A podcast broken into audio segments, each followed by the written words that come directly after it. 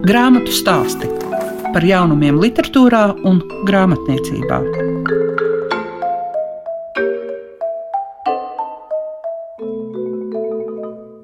Aprīlī grāmatā stāstos jūs varat dzirdēt par Latvijas šī gada nominācijām. Es, Liega Piešiņa, šodien vēlos kopā ar savām sarunu biedrēm no Rīgstenu un Sabīnu Košaļevu pievērsties divām. Tā ir debija un tulkojumi. Bezgala liela dažādība. Grāmatu stāsti programmā Klasika.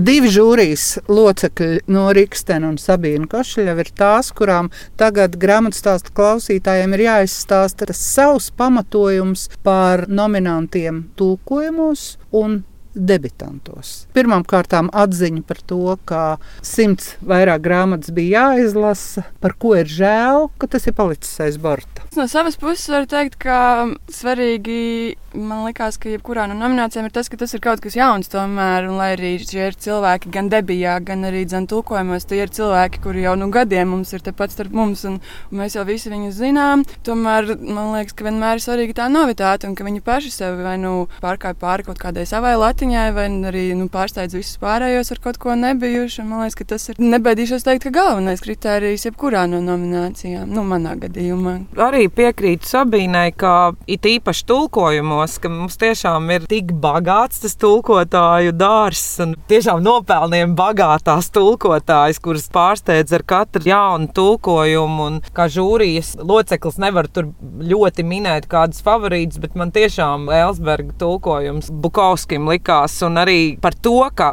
ir kaut kas, kas nav tulkots latviešu valodā. Mums jau tā jau tulkojuma kategorijā tas bija vienkārši gandrīz neiespējams darbs. Un par debitantiem man liekas, kopumā ņemot, tur ir tik kaut kāda citāda, ļoti labdabīga, ļoti empātiska un ļoti svaigs gaisa malks. Un, man liekas, vai tas nebija Satorija rakstot par tām nominētajām grāmatām, kā latviešu literatūrā kā nekad varbūt arī mazliet ķīnas mēra ēnas rezultātā ienāk darbi, tādi ļoti empātiski un, un gaiši un pozitīvi darbi, kas man liekas, ka varbūt arī šim laikam būtu ļoti atbilstoši. Kopumā ņemot, es domāju, ka mums bija ļoti interesants darbs, un neraugoties uz to, ka mēs nevarējām tikties klātienē, ka mēs tikai redzējām mazās bildītes, zūmā viens otru, man liekas, mums bija ļoti, ļoti auglīgas un interesantas diskusijas un sarunas, un, un visi gaidām rezultātu. Neviens nezinām. Rezultāti būs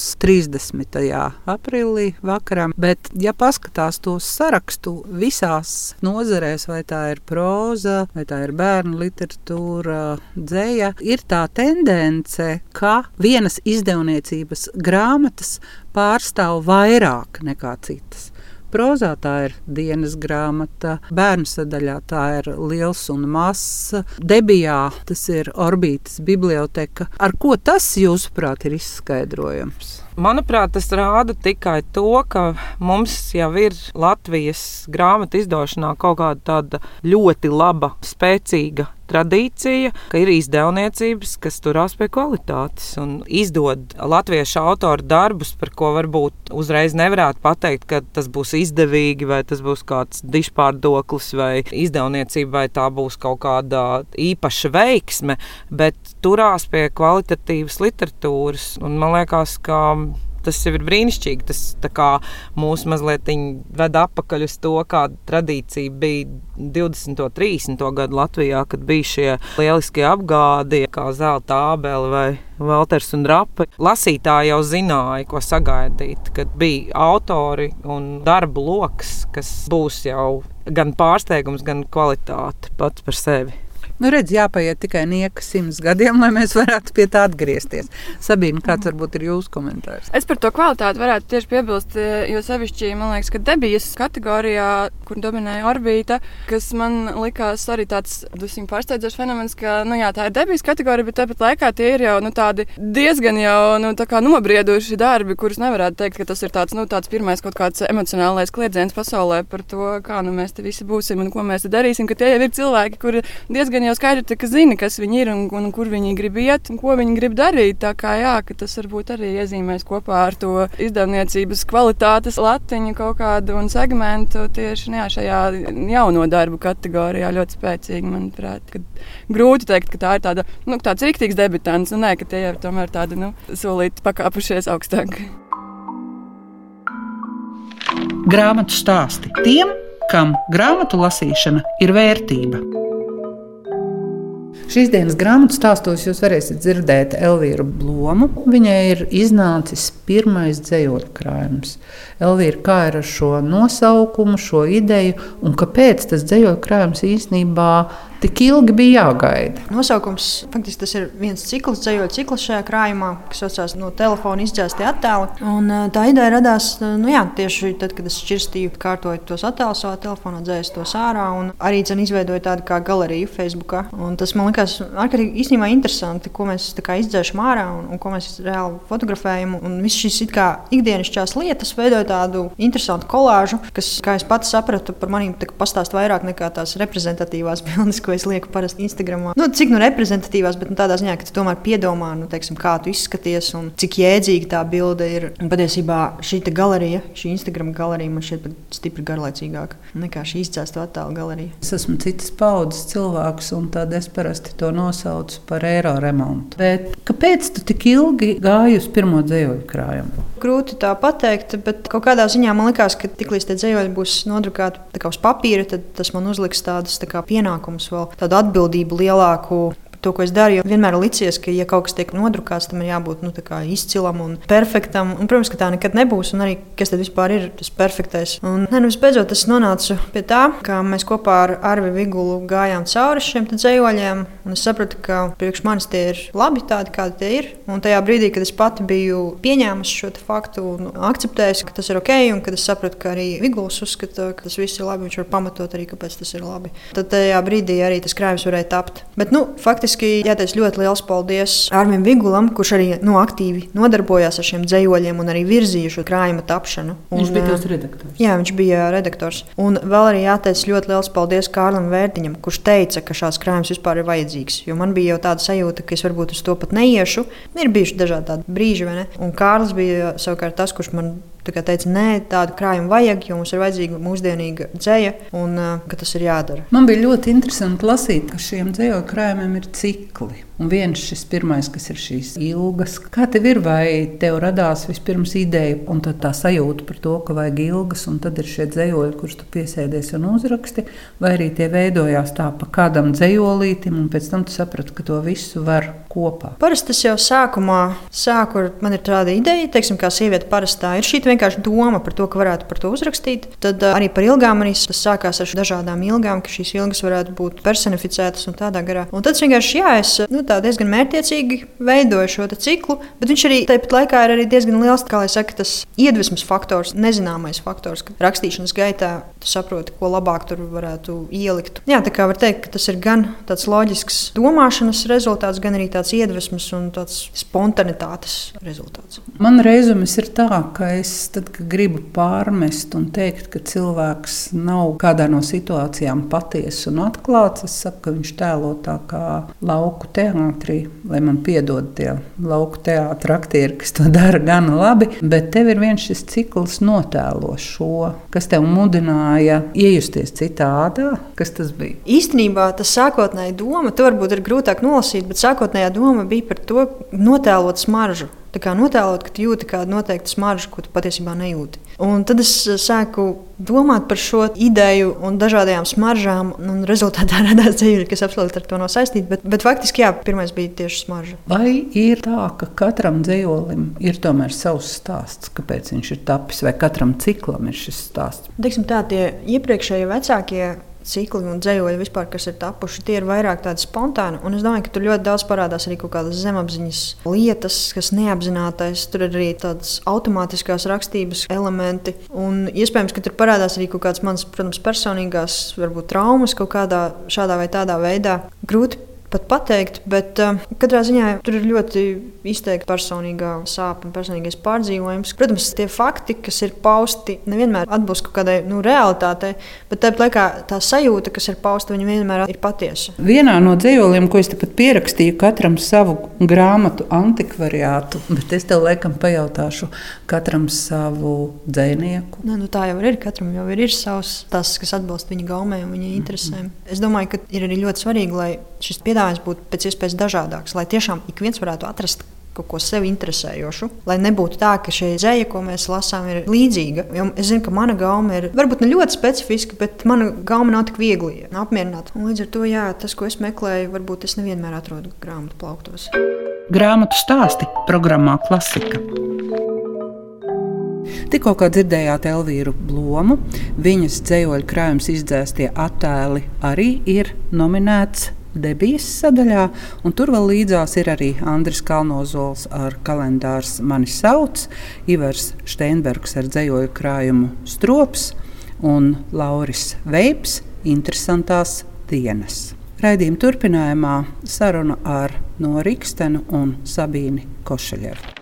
Ja mēs runājam par gan debijas, gan arī tulkojumu kategorijām, tad tur drusku, man liekas, veidojas pretruna. Pretruna tāpēc, ka ir jāsalīdzina proza un dzēja, kas jau rada lieku konkurenci un ir tā sajūta, ka nu, proza reizēm mēdz būt spēcīgāk, un uh, arī tulkojuma kategorijā tie ir tik dažādi, ka liekas, ka vajadzētu būt atsevišķai tulkotāju balvai, un ka šī varētu būt tikai viena no. Nu jā, mēs arī šogad uh, žūrijā runājām daudz par to, ka būtu ļoti jauki, ja nākotnē vēl vairāk varētu uzteikt tulkotāju darbu, arī ieviešot īpašu balvu, kāda bija tikai vienu reizi. Manuprāt, Latvijas vēsturē labākam tulkotājam, kas ir tulkojis latviešu darbu uz kādu citu valodu. Bet man liekas, ka tur vienmēr ir tā, ka ir kaut kas, nerunājot žanriski par atšķirībām, kas vienu vai otru darbu kaut kā īpaši izceļ nianse. Tur nav kaut kādas sacensības. It kā ir tā sacensība šajās divās kategorijās, starp dzēju un prózu, bet ir daudzi tādi, kas saka, tie punkti, kas savākas kopā un saka, ka tieši šīs grāmatas ir ar kaut ko īpašu šajā gadā. Kā jau es pieminēju, to pirmreizību tulkojumu sakarā, un arī debijā, lai gan tur ir vienlīdz spēcīgs gan prozas debija, gan dzējas debijas, bet droši vien būs kaut kas, kur tie punkti būs sakrituši. Balsu balsojumā, kāpēc tieši tā viena grāmata gala rezultātā būs tā, kas balvu saņems. Tā ir tomēr kompromiss drusku. Jā, bet es domāju, ka katra šāda sacensība ir absolūts kompromiss. Nu, tā kā tādā profesionālajā rakstniecības dzīvē, kā jau kur, vienkārši vajag saglabāt cieņu un seju. Arī tiem, kas šajā gadā varbūt nav nominēti vai, vai nav tam sietam izgājuši cauri, tas jau neko nenozīmē. Nu, tā ir arī kaut kāda spēle, sakritība, tas, protams, ir ļoti patīkami. Un, ja kāds saka, ka viņam ir viena alga, vai viņš saņems Latvijas balvu, tad, protams, tā noteikti nav taisnība. Bet es domāju, ka vajag kolēģiāli saglabāt to prieku par citiem, kas to saņem, un vēlmi varbūt nākamā vai aiznākamā gada pašam tur būt. Vai arī, piemēram, nebūt tur un pierādīt, ka es eju citus ceļus un kaut kur citādāk esmu. Teikt, tas pirmais. Vienkārši raudzīties uz to tā. Tu tagad runāji arī par tādām īstenībā ļoti sāpīgām lietām, jo šogad, kā nekad, ir vairāki cilvēki, kas jundīja to melnu mokšā, kas mēģina skaidrot par to, kāpēc citas grāmatas ir un kāpēc citas nav nominētas, un meklē tur īstenībā sazvērstības teorijas. Tad arī viens no tiem jautājumiem par žūriju, kur ir jābūt, ir jautājums par to, vai tajā ir jābūt rakstniekiem. Kādas jums abām divām ir atbildes uz to? Es domāju, ka tur ir jābūt gan rakstniekiem. Es personīgi vispār pirmo reizi mūžā esmu Latvijas žūrijā. Tur var būt gan rakstnieki, gan literatūras zinātnieki, gan literatūras literatūras speciālists, bet es domāju par to visu, kā saka, to, uh, to sāncensības sviestu, tā es varētu nosaukt, kas varbūt arī mazliet ir bijis apkārt. Šī gada Latvijā es domāju, ka mums visiem vajag paturēt prātā, ka Rainis Nobela balvu nesaņēma nevis tāpēc, ka Nobela žūrija to nevēlējās, bet tāpēc, ka Latvija Raini nenominēja Nobela balvai. Un man liekas, ka tas ir tāds īss konkrēts, lakonisks, vēsturisks fakts, ko mums, kad mēs te cīnāmies, kā saka, vietējā latviešu literatūras druvā, vajadzētu paturēt prātā.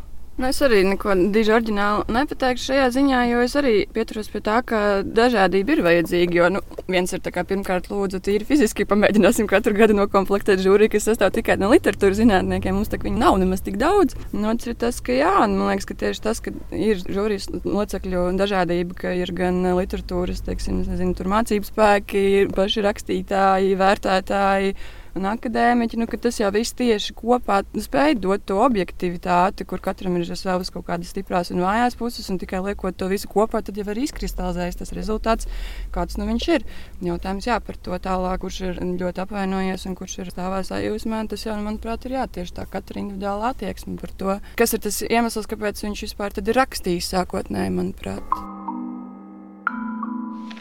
Grāmatu stāsti tiem, kam grāmatu lasīšana ir vērtība.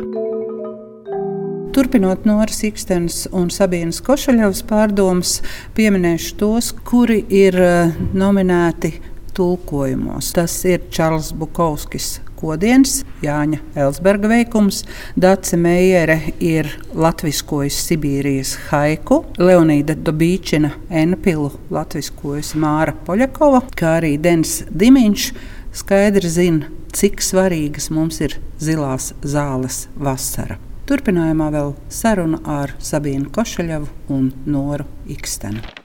Tad, kad tika paziņota šī gada Latvijas nominanti, tad Nora, tu jau atbildēji uz jautājumu, kāpēc un ar ko tev ir svarīgs Gunārs Bībers, kā viens no tiem, kurš saņēma mūža balvu. Sabīna, cita vecuma grupa, pieredze un ko tu saki? Gunārs Bībers un šī balva par mūža ieguldījumu. Pat pie viņa neesmu mācījusies. Manas draudzenes pie viņa ir mācījušās, kuras arī man jau pat kā nezinot par viņu, tīri kā par pasniedzēju. Man ir pilnīgi skaidrs jau bijis, ka vienmēr, ka es gribētu pie viņa mācīties.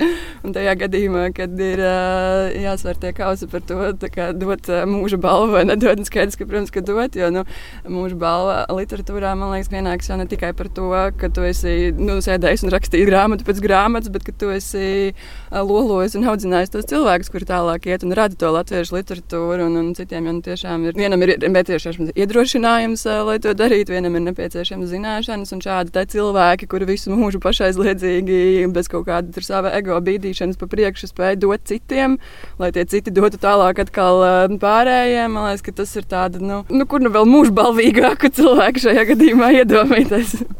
mūžbalvīgāku.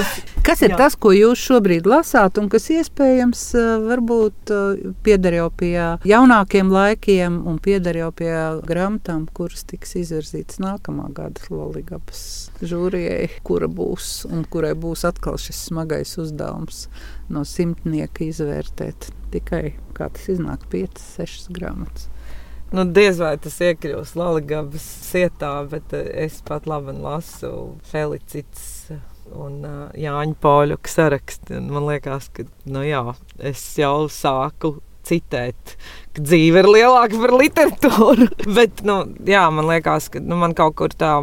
Tā grāmata ļoti saistās ar Erikas romānas grāmatu par Leo Svempu. Mēs abi, ko es liekas, esmu izlasījusi kaut kādas piecas reizes. Un, nu jā, tas nav tā kā literārs jaundarbs, bet no otras puses, man liekas, tas vēstuļu žanrs. Tā ir tāda fantastiska grāmata tur pat labāk. Un Sabīna?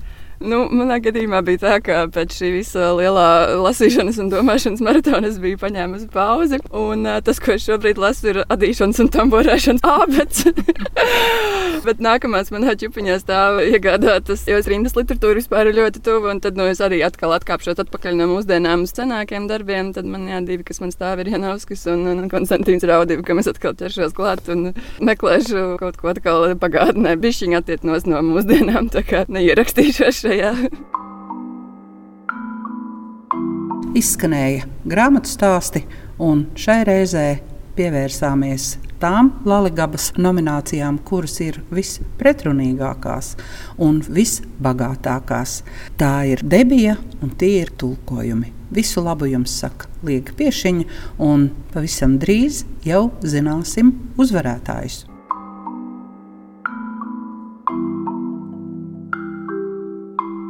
Grāmatu stāsti par jaunumiem literatūrā un grāmatniecībā ik trešdienu, 9.5. ar atkārtojumu Svētdien, 18.15.